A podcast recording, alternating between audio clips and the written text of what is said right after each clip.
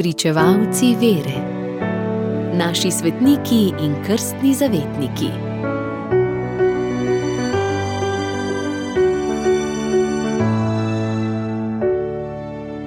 Danes, 3. julija, goduje sveti Tomaž, apostol.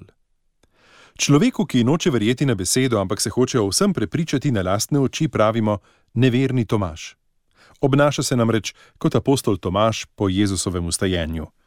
Evangelist Janez pripoveduje, da se je Gospod po svojem ustajenju prvi večer prikazal svojim učencem, zbranim za zaprtimi vrati hiše, kjer so le nekaj dni poprej skupaj z Jezusom obhajali spominsko večerjo ob judovskem velikonočnem prazniku, ki je bila obenem zadnja večerja Jezusa kot človeka.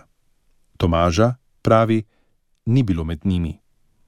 Ko so mu drugi pripovedovali, da je Jezus ustal in se jim prikazal, jim je odvrnil: Če ne vidim na njegovih rokah znamenja žebljev in ne vtaknem svojega prsta v rane od žebljev, že ne bom veroval. Čez osem dni je ostali gospod spet obiskal svoje učence. Tomažu je rekel: Daj svojo roko in jo položi v mojo stran, in ne bodi neveren, temveč veren. Tedaj je Tomaš izpovedal vero z usklikom: Moj Gospod in moj Bog. Zaradi tega dogodka je Tomaš postal slaven, če rečemo tako v jeziku današnjega človeka, vendar pa o njem bolj malo vemo. Preden ga je Jezus poklical v svojo službo, je opravljal ribiški poklic ob Genezareškem jezeru.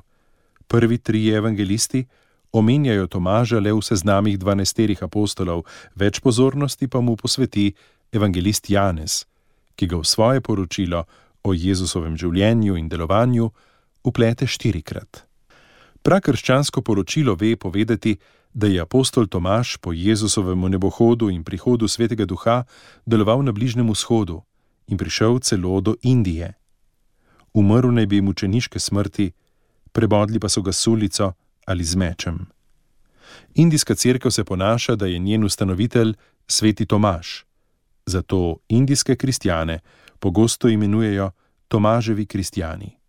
Svetega Tomaža upodabljajo sulico, pogosto pa ima v rokah tudi kotno merilo stavbenikov in sicer zaradi neke legende, ki pripoveduje, da je izrisal načrt za prelepo palačo v Indiji. In zato ga kot svojega zavetnika častijo tudi arhitekti, zemljemerci, geometri, zidarji, kamnoseki in tesarji. V naši domovini je apostolu Tomažu posvečenih 34 crkva. Radio Ognišče, vaš duhovni sopotnik.